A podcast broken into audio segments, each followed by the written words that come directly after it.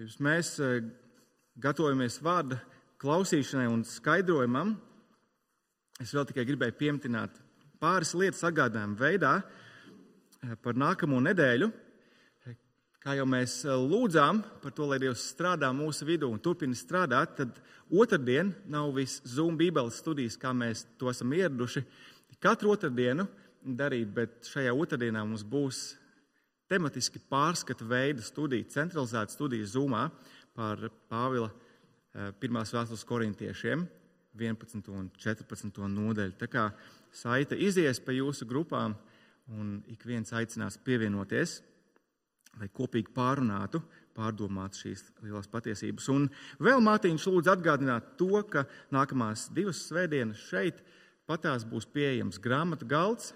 Tā kā laikā, kurā pieauguši mēs nenēsājam līdzi skaidru naudu, tas ir tāds varbūt atgādinājums, ja ir kaut kas, ko jūs vēlētos iegādāties, šī ir, šī ir iespēja paņemt līdzi kādu eiro vai kā un iegādāties kādu vērtīgu grāmatu. Bet, neko, draugi, šajā brīdī es aicinu, ka mēs varam atvērt apakstuļu Pāvila vēstuli kolosiešiem, lapas pusē, kas ir 1199 no jūsu bībelēm.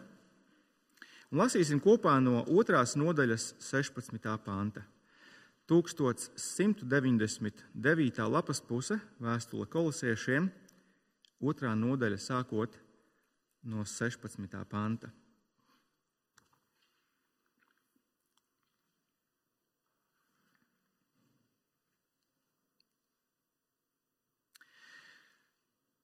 Tad, nu, lai neviens jūs netiesā par ēdienu un dzērienu, un par attieksmi pret svinamām dienām un jaunu mēnesi svētkiem vai sabatu. Tas viss ir kā nākamības ēna, bet pati nākamība jau ir Kristū. Neviens lai jums nenolaupa uzvaras balvu, tīksminoties ar pazemību un eņģeļu pielūgšanu, aizraujoties ar vīzijām un tukši uzpūsdamies savā miesas prātā. Tāds nepatur saikni ar galvu no kuras viss ķermenis, muskuļi un dzīslu savienots un uzturēts augdievišķā augšanas spēkā. Ja jau līdz ar Kristu esat miruši pasaules pirmsspēkiem, kādēļ jūs, it kā vēl pasaulē dzīvodami, pakļaujieties tās noteikumiem? Neņem, nēd, nepieskaries kas lemta iznīcībai un nolietojas. Tas viss ir pēc cilvēku izdomātiem priekšrakstiem un mācībām. Tas viss gan ārēji izskatās gudri viņu pašizdomātajā dievkalpošanā, ar visu viņu pazemību un mīsīgu atturēšanos, nicinot miesas vajadzību apmierināšanu. Tas ir kunga vārds, un pirms mēs to pārdomājam, ļaujiet, es vadīšu mūsu vēl pavisam īsā lūkšanā.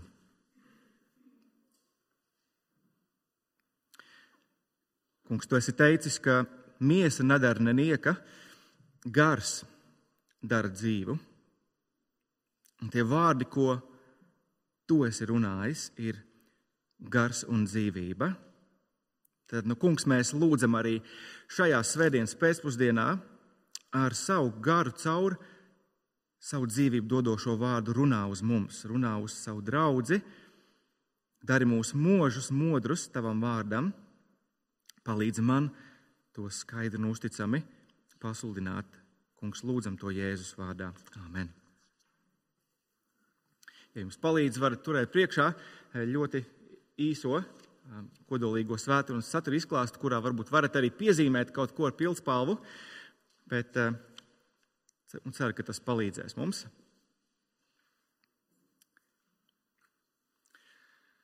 Ja kā tu pēc dabas sevi raksturotu, vai, vai tu pēc dabas esi optimists vai, vai vairāk pesimists?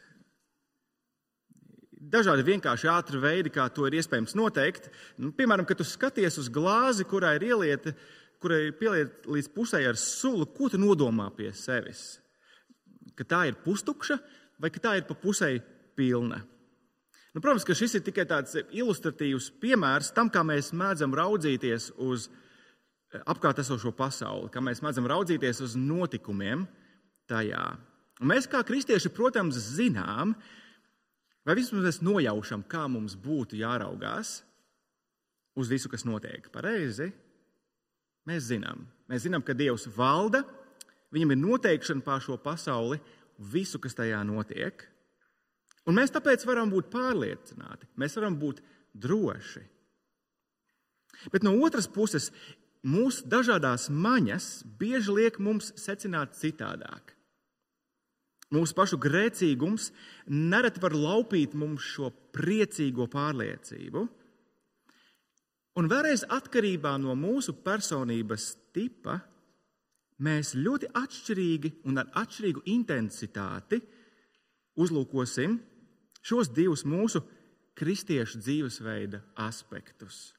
Nesatricināms prieks un drošība par dieva darbu, un otrs puses mūsu mīsīgās dabas vājumam atsaucoties šim dieva darbam. Un, draugi, tā ir, ka reālajā dzīvē pareizi mums ir jāmācās sadzīvot ar šiem diviem aspektiem. Izskatās, ka šāda bilde īstenībā ir prātā arī apustulim Pāvilam. Apostols Pāvils raksta vienai vienotai draudzēji. Viņš ir ļoti, ļoti iedrošināts dzirdot par šo draugu un viņas progresu, par evaņģēlīju cerību, ko, kas, ir, ko, kas ir radījusi viņos ticību, kas ir radījusi viņos mīlestību. Un Pāvils ļoti vēlas, lai kolosieši turpina iet pa šo ceļu. Ka viņi kļūst par to, par ko Dievs viņus ir pasludinājis, ka viņi kļūst pilnīgi Kristū. Un, lai to sasniegtu, mēs jau aizvadītajā nedēļā redzējām, Pāvils no vienas puses māca, turpina mācīt šo draugu, bet no otras puses viņš brīdina viņus. Un kāpēc viņiem bija vajadzīgs šis brīdinājums viņu ticības ceļā? Redziet, Pāvila brīdinājumi šajā vēstulē izriet no ļoti brīnišķīgas evaņģēlīja patiesības, ka savienībā ar Kristu mēs esam līdzdalīgi visā tajā, ko Kristus mums ir sagādājis. Pāvils saka, jums Kristū jau pieder viss, ko šajā pasaulē jūs kā kristieši varat gribēt iegūt. Izskatieties, lūdzu, kopā ar mani pirmās nodaļas 12. un 13. pantā. Ielūkojieties, mēs ar prieku pateicamies Tēvam, kas mūs dara cienīgus saņemt savu daļu svēto mantojumu gaismā. Mēs pateicamies Tēvam, kas mūs izrāva no tumsas varas un ieveda savu mīļotā dēla valstībā. Viņa dēļ Dievs mūs ir atbrīvojis un mūsu grēkus piedevis. Un tad kaut kādā ziņā mēs pagājušajā nedēļā saņēmām šo brīdinājumu, bet, ja jūs ļausiet, ka jums kāds iestāsta, ka jums ir vajadzīgs vēl kaut kas pilnai laimēji, jūs tiksiet paņemti prom no Kristus. Šīs idejas, filozofijas, ideoloģijas, varbūt pat teoloģijas, jūs sagūstīs un aizraus vedzībā, un tas paņems prom no Dieva. Un, draugi, mēs domājam, vai tā, vai tā nebūtu gadījumā liela nelaime? Būtu. Cik traģiski būtu uzgriezt muguru šim skaistajam un bagātīgajam evaņģēlijam, kas mums ir sagādājis mierizlīgumu ar Dievu un visu grēku piedošanu. Cik traģiski būtu uzgriezt muguru šādam evaņģēlijam? Pāvils zina, cik tas ir nopietni. Viņš zina, cik ātri var apsīkt šī mūsu reālā dzīvošana, iesakņošanās un augšana Kristū. Un tāpēc Pāvils tagad koncentrē, vai viņš konkretizē mūsu skatu uz šiem diviem vadošajiem verdzības paveidiem, kuros kristieši var iekrist. Redziet, pēc tam, kad Pāvils ir pavēstījis, ka, ka Kristū kolosieši ir līdzdalīgi Kristus uzvarā pār grēku, pār ļaunumu, pār varām, viņš atkal brīdina. Viņš brīdina, ieskatieties 16. pantā, tāpēc, lai neviens jūs netiesā, un 18. pantā, lai neviens jums nenolaupa uzvaras balvu. Tauk es gribu, lai šajā mūsu kopīgajā laikā mēs ieraugām, ka šie divi verdzības paveidi ir ārkārtīgi dzīvi šodien. Tie abi ir bīstami tieši tāpēc, ka tie ir nomaskējušies. Viņi ir nomaskējušies kā, kā dedzīga kristiešu nodošanās, kas ir legālisms. Un otrkārt, tie ir nomaskējušies kā, kā patiesi garīga kristieša dzīve. Tas slēpjas aiz misticisma. Bet patiesībā šiem abiem nav pilnīgi nekā kopīga ar Kristu. Un tie nepalīdz augt. Ieskatieties mūsu raksturvietas 19. pantā. Tāds nepatur saikni ar galvu, no kuras viss ķermenis, muskuļi un dzīslu savienots un uzturēts aug dievišķā augšanas spēkā. Bet Pāvils, Pāvils ļoti grib, lai kolosieši un arī mēs turpinam dzīvot, iesakņoties un augt ticībā Kristum, pāriplūzdami patiesībā, kā mums to atgādina mūsu šīs vēstules centrālajie panti, 6. un 7. pants. Otrajā nodaļā. Bet nu ko?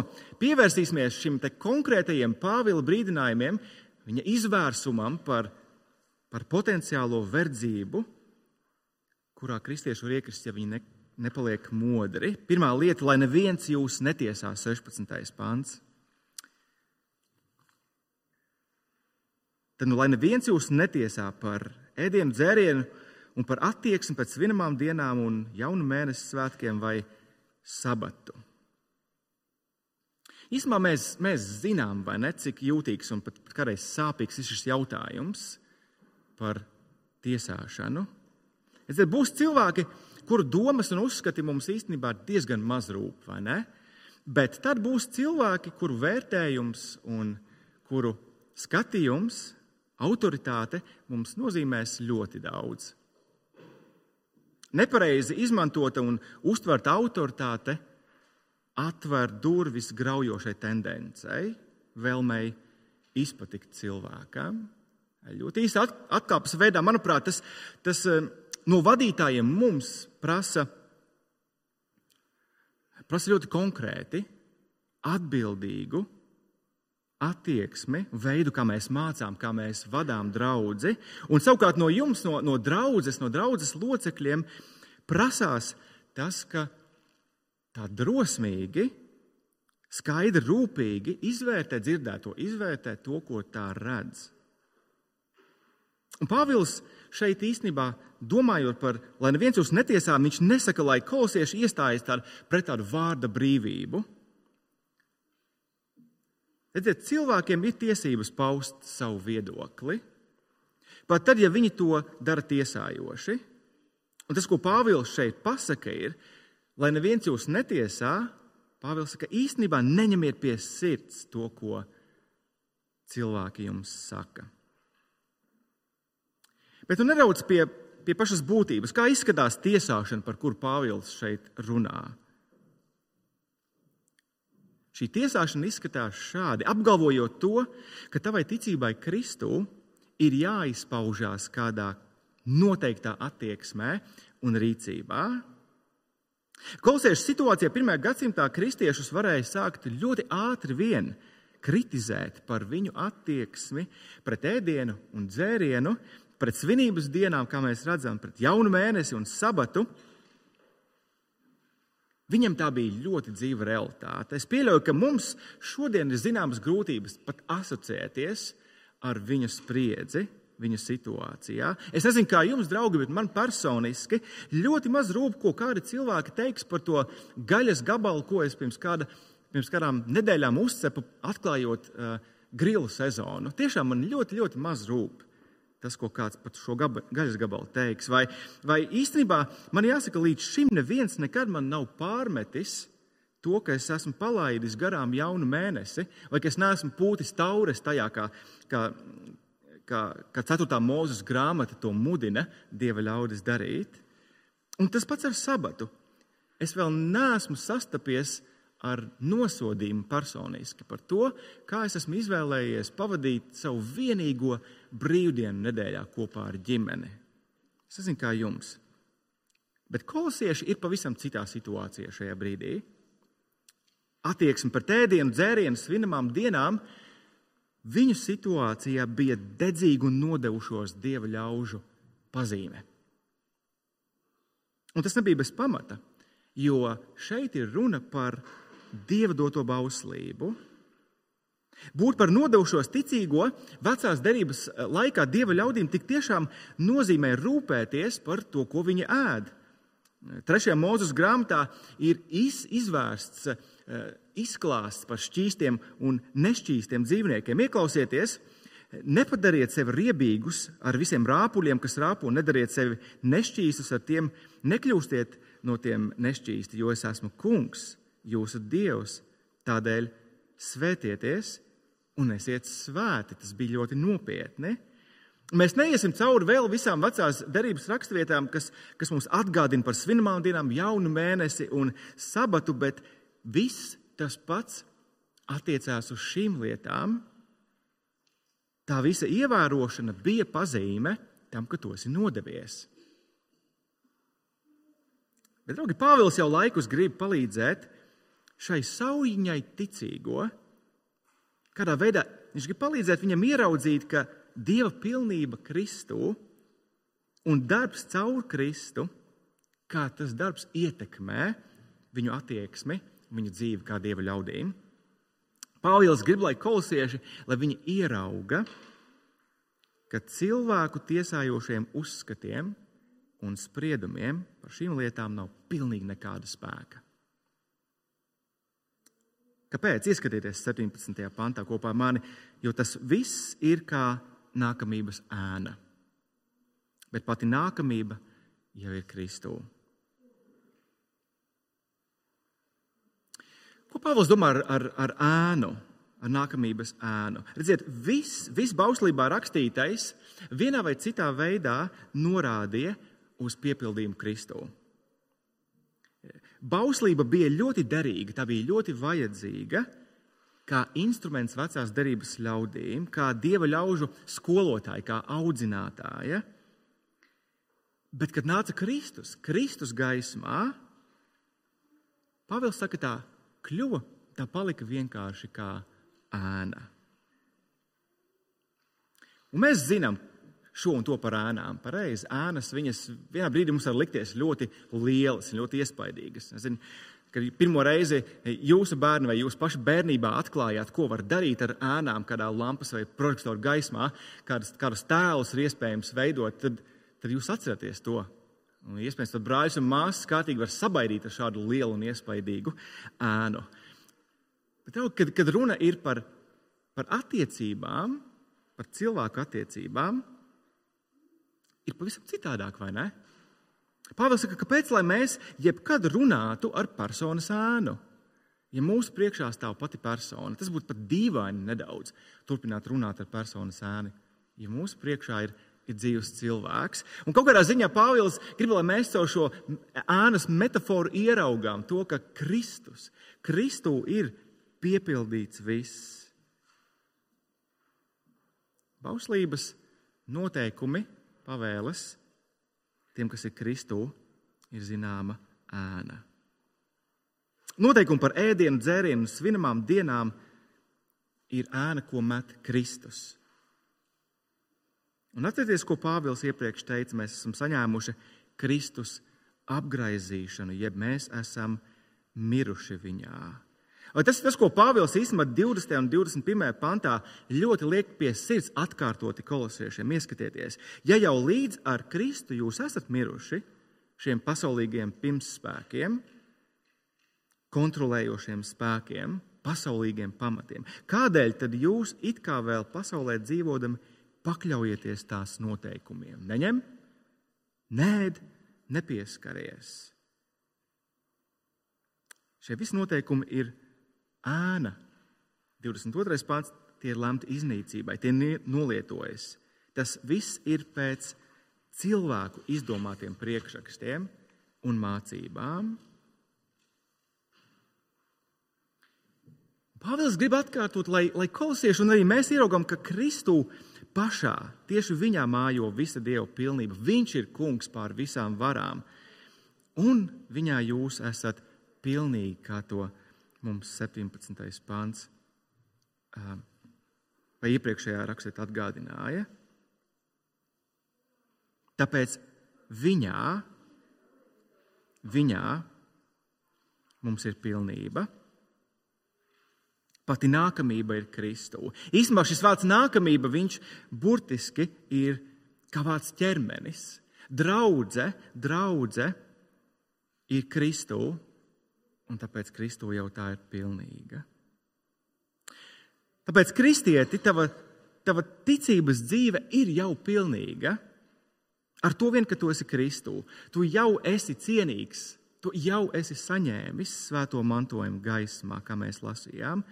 Tu jau esi Kristus valstībā, tu jau esi nogādāts no tumsības varas Dieva mīļotā dēla valstībā, lai neviens tevi netiesā cilvēku noteikumu tradīciju dēļ. Un atkal mūsdienu kristietim ir tiešām grūti izjust šo, šo kolosiešu spriedzi. Mēs, mēs zināmā mērā to neizjūtam tāpēc, ka mēs šeit dzimuši un auguši un esot šajā paudzē, šeit Latvijā, mēs, mēs ātri varam aizmirst par evaņģēlīja izcelšanos. To, cik kaut kādā ziņā jūdisks šis evaņģēlijs ir? Mūsu mūsdienu Latvijas vidusmēra kristietis ir aizmirsis arī to, ka, ka Jēzus ir Izrēla mesija. Un tāpēc mums ir grūti saprast šo varbūt kolosiešu dabisko vilkli tajā kultūrā un laikā, to spriedzi, ko viņi būtu varējuši piedzīvot tur. Bet es domāju, no otras puses, no otras puses Pēdējos gados, iespējams, tas ir bijis um, arī senāk, bet pēdējos gados man tas ir iekritis vismaz acīs. Arī mūsu zemē ir atjaunota interese par kristietības, tā teikt, jūdiskajām saknēm. E, to labāk palīdz novērtēt, piemēram, tāda mesijānisko jūdu kustība, tādas draudzes Latvijā. Un īstenībā domājot par to, kas tur notiek, mums nebūtu jābrīnī, jābrīnās, ja vienā brīdī mēs izdzirdam, ka īstenībā nodevies un dedzīgs kristietis ievēro ar ēdienu saistītas noteikumus un ievēro ar svinamām dienām saistītas lietas un svin sabatu. Un, draugi, nav jau tā, ka sabata turēšana pati par sevi ir kaut kas slikts. Mēs šeit un tad paskatāmies vakaros Ir tāda daudzsēriju mākslas filma par Jēzus dzīves, nezinu, vai jūs esat dzirdējuši, Chosen vai um, Izredzētais. Un, um, vienā no sērijām ir īstenībā ārkārtīgi skaisti attēlots tas, kā Dieva ļaudis vecajā derībā svinēja sabatu sestdienas vakarā. Viņi ļoti, ļoti nopietni piegāja šīm svinībām. Un, un tas bija tik skaisti parādīts, kā visi pierimst, kā visi kopā sapulcējās ap galdu un ap vārdu un piemin Dieva darbu, ko Dievs ir darījis Dieva ļaužu glābšanas vēsturē. Bet, bet kaut kas pavisam cits, kā Pāvils saka, ir pasludināt to, ka paklausība šiem noteikumiem ir kritērijs tam, vai tu esi patiesi dedzīgs, patiesi nodevies Dievam Un to mūsdienās sauc par legālismu. Pašā stingrākajā formā legālisms tā ir mācība par to, ka tu īstenībā vari nopelnīt savu glābšanu ar saviem darbiem. Un taču šai mācībai mēdz e, būt tāda, tāda smalkāka versija, proti, mana drošība Kristū būs atkarīga no manas paklausības kādiem noteikumiem un tie iet roku rokā ar sagrozītu skatījumu uz Dievu. Dievs uzlūkos mani labvēlīgi, ja es neizlaidīšu nevienu kluso laiku ar Dievu, ja es neizlaidīšu nevienu svētdienas dievkalpojumu ar Dievu. Dievs būs apmierināts ar mani, ja es piedalīšos Bībeles studijās, lai cik man tas zūm nepatiktu. Dieva svētība būs ar mani, ja es kalpošu draudzē. Dievs atzīs mani, tad, ja es būšu laba sieva savam vīram vai labs vīrs savai sievai. Un, un ja es paklupšu kādā no šiem ticības dzīves aspektiem vai jomām, tad Dievs, Viņš ar tādu kosmiskas un varas palīdzību darīs visu, lai mana dzīve būtu nožēlojama. Es ievēroju, cik ārkārtīgi slidens ir, ir šis, šis legālismu veids. Dievs būs labs pret mani, ja es. Dievs svētīs mani, ja es. Un, draugi, tiešām atzīsim, ir pietiekami smagi, vai ne? Ja mēs šādi kādreiz sākam domāt, mēs sajūtam tādu smagumu saviem pleciem un, un smagumu savā dzīvē, bet, bet ir vēl trakāk, tad, ja mēs izvelkam šādu, šādu legālismu mērlenti no kabatas ārā un sākam viņu pielikt citiem brāļiem un māsām draudzē. Mērīt, vai, vai viņi ir pietiekoši nodevušies dedzīgi savam kungam. Un tagad, domājot par šo, man nācās secināt vienu lietu. Mums, kā draudzes vadītājiem, tas būtu tik ārkārtīgi vienkārši. Nākt klajā ar tādu eh, ticīgās, eh, ticīgo dzīves kredo, kādiem kārtīgiem 25 noteikumiem, kas raksturo tādu patiesi nodevušos draudzes locekli, patiesi nodevušos ticīgo. Un tad, tad, tad viss, kas mums atliktu, mums būtu kā izvilkt šo mērlentu un sākt vaktēt, sākt mērīt, vai draudzes locekļi atbilst šim mēram. Tas būtu ļoti vienkārši, un tik daudz, daudz grūtāk ir sludināt evaņģēliju. Man uzreiz jāatzīst, ka tas īstenībā šāds kredo ar 25 noteikumiem un ļoti skaidru mēru uzreiz atver durvis milzīgam legālismam, milzīgai liekulībai. Kāpēc? Jo visu mūsu dzīve vienā vai otrā brīdī piedzīvo izgāšanos. Tā vienkārši ir. Un Pāvils saka, lai neviens jūs netiesā par to, kā izpaužas jūsu kristieša dzīve. Lielais un svarīgais jautājums ir, ir nevis, vai tu spēj atķeksēt dedzīga kristieša pazīmju sarakstu visos punktos. Ja? Par to nav jautājums. Vienīgais jautājums, Pāvils saka, ir, vai tu esi Kristū? Un starp šiem diviem jautājumiem ir ļoti liela atšķirība. Pirmais jautājums man dod drošību Kristū, balstoties uz manu reliģisko sniegumu. Bet otrs, otrs man dod drošību dzīvē, balstoties uz Kristus pabeigto darbu. Tēvs mūs izrāva no tumsas varas. Viņš, nevis mēs paši. Un viņš ieveda mūsu savā mīļotā dēla valstībā. Tātad, tātad Pāvils rūpēs par kolosiešu izaugsmi, viņš brīdina viņus. No dažādu mācību ideju gūsta. Un šī nebrīve, kurā Kristus apbrīvotie kolosieši var iekrist, ir vispirms legālisms. Pāvils saka, nevienam nav varas apgalvot, ka jūs kā kristieši neesat pietiekami strikti vai jūs neesat pietiekami nodevušies dievam. Bet otrkārt, otrkārt Pāvils brīdina no kristiešu diskvalifikācijas.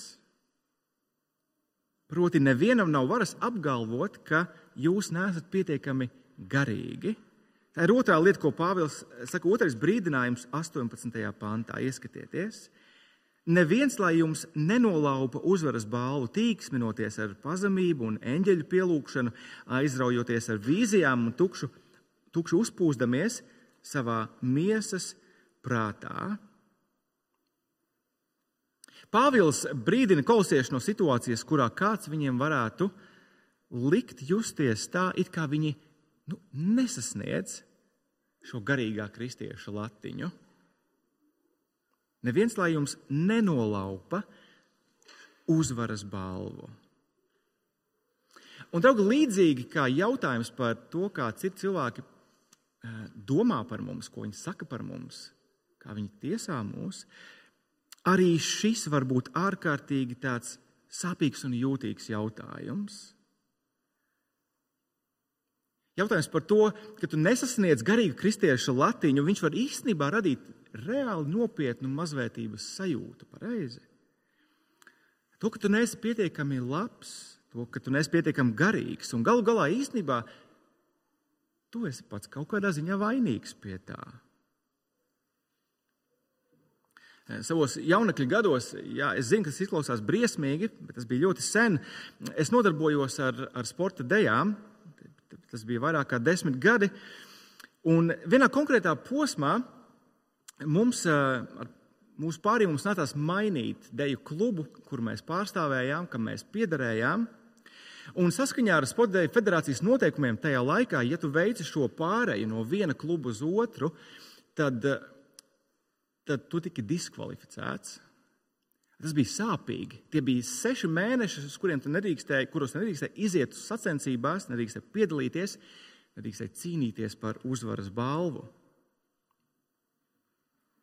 Es nezinu, kāpēc viņi to darīja, vai, vai tas bija tāpēc, ka kaut kādā veidā tam treneru eh, ieguldījumam vajadzēja tikt kompensētam, vai kaut kādā veidā viņu finanšu zaudējumiem vajadzēja potenciāli tikt kompensētiem, bet tā tie noteikumi bija. Šī analoģija, protams, nav pilnīga, bet kaut kādā ziņā viņa man atgādināja to sajūtu, ka tu esi diskvalificēts. Tev laupa šo uzvaras balvu, jo tu zini, ka tu vari viņu iegūt. Tu esi, tu esi diskvalificēts, tu sēdi malā, tev tiek pateikts, tu esi izdarījis kaut ko nepareizu tev var rasties mazvērtības sajūta. Jā, zinu, šī ilustrācija nav pilnīga, jo tā, tā uzvaras balva, Pāvils saka, viņa mums jau ir. Bet tas princips, lai neviens jums to nelaupa.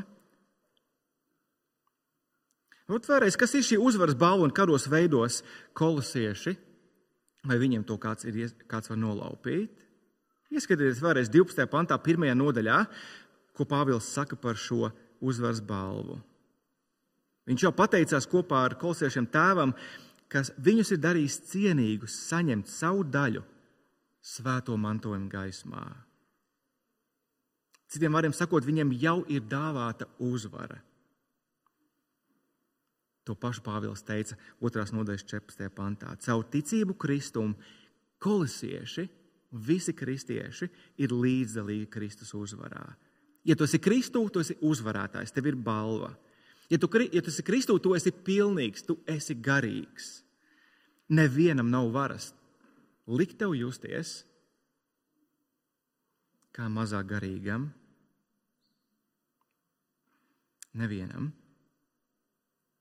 Un kādos zināmos veidos kolosiešu prieks un pārliecība par savu balvu varētu tikt apdraudēti. Ieskatieties, 18. pantā Pāvils šeit runā īstenībā, kādos veidos tas notiek. Neviens, lai jums nenolaupa uzvaras balvu, kā tīksminoties ar pazemību un eņģeļu pielūgšanu, aizraujoties ar vīzijām un tukši uzpūsdamies savā miesas prātā. Un atkal mēs nedaudz esam tādi neapmierināti, vai ne? Jo Pāvils šeit neizvērš. Viņš diži nepaskaidro, ko viņš ar šo domā. Bet varbūt tam ir savs iemesls. Un kaut kādā ziņā mēs eh, šo un to no viņa uzskaitītā ieraugām vēstulēs Timotejam. Kaut ko mēs īstenībā atsaucam savā prātā ne, no mūsu pirmā korintiešiem studijām. Katrā ziņā visu šo 18. pānta uzskaitījumu vieno viens kopīgs princips. Tas ir garīgums, kura klātbūtnē otrs sajūtās mazvērtīgs.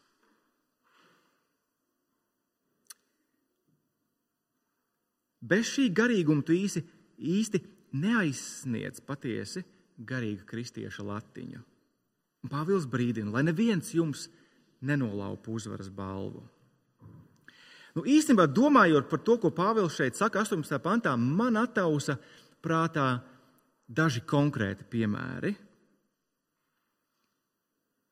Īsumā man prātā atnāca, prātā atnāca daži brāļi, eh, sirsnīgi, ticīgie brāļi, kuri tika aizrauti, manuprāt, pareizticības gūstā pirms kāda laika, kuriem ir laupīta šī uzvaras balva. Viņi ir uzķērušies uz dažādu skolotāju viltus pazemību, Viens no šādiem brāļiem man pagājušajā vasarā vēl teica, bet, bet tu zini, tur ir, tur ir Kristus mīlestība. Manuprāt, viņi ir uzķērušies uz ideju, ka pareizticīgo baznīca nes sevī šo, šo patiesās dievkalpošanas tradīciju. Manuprāt, to Pāvils domā ar eņģeļu pielūgšanu. Es nezinu, vai jūs nodomājat, nu, gan dīvains veids, kā runāt. Iespējams, tas pirmā brīdī ir dīvains veids, bet Bet šķiet gramatiski un pat, pat teoloģiski visticamākais skaidrojums šai frāzei būtu pielūgt, kā to dara eņģeļi, nevis eņģeļu pielūgšana. Un redzi, redzi, kā viņi visu dievkalpojumu stāv kājās, kā viņi pielūdz. Nevis viņi sēž mīkstos krēslos ar kafiju rokās, nu, vai, vai cietākos krēslos ar kafiju rokās. Redzi, kā viņi savā pielūgsmē izmanto tikai balsis. Cik patiesi, nevis šos instrumentus, nevis ģitāru, nevis bungas. Tīksminās, tīksmināšanās ar eņģeļu tipa pielūgšanu.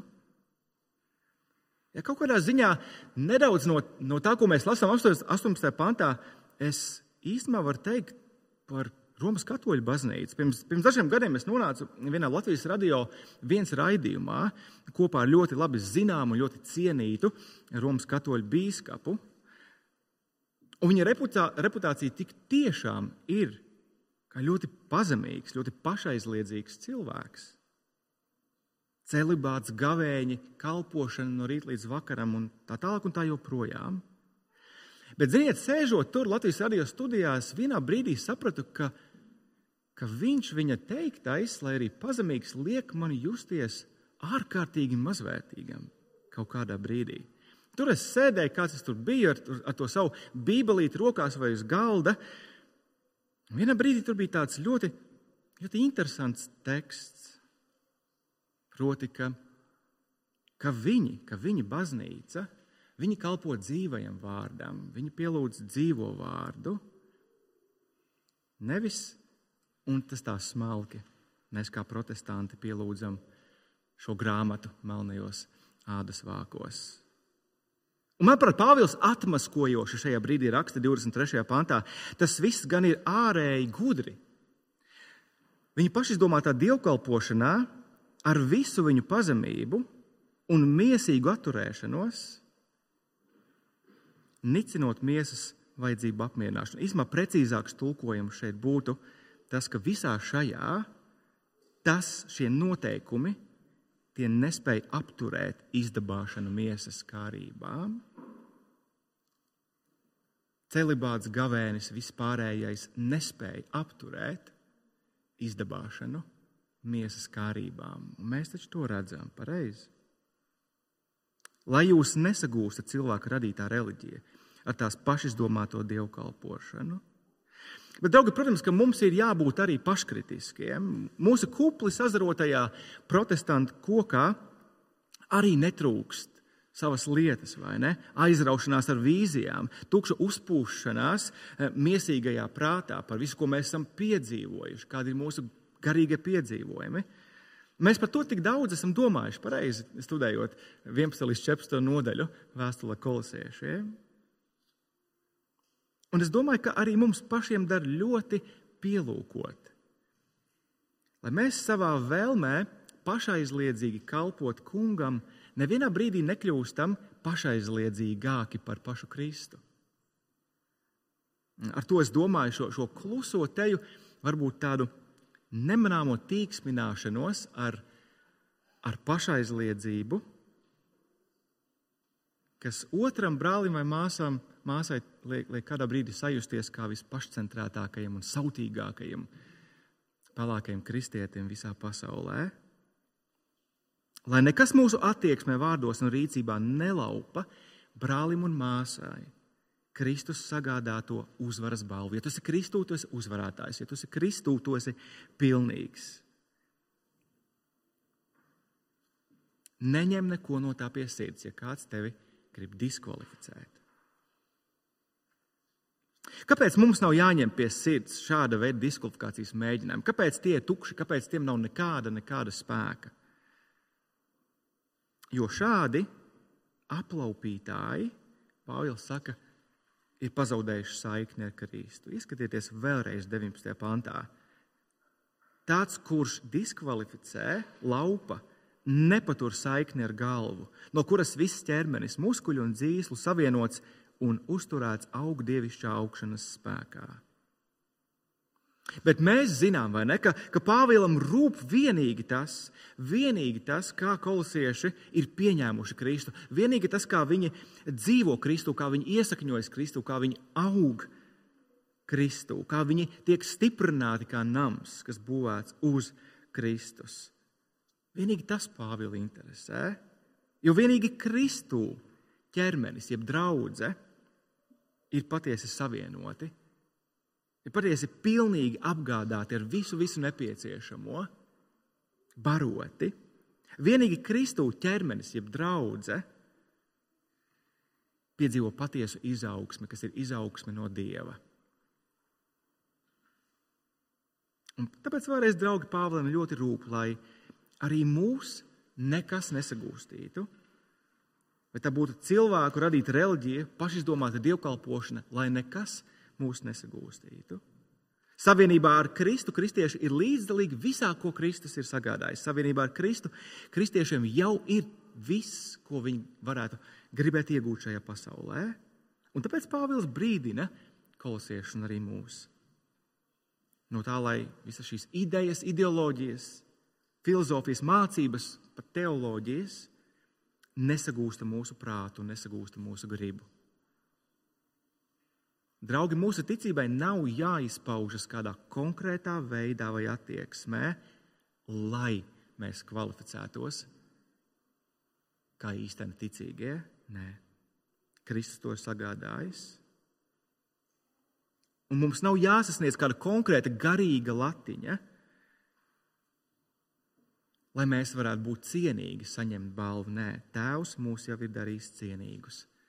Saņemt šo balvu. Kā? Pateicoties Kristus krusta darbam. Draugi, tieši tas ir tas, par ko mēs tūlīt domāsim.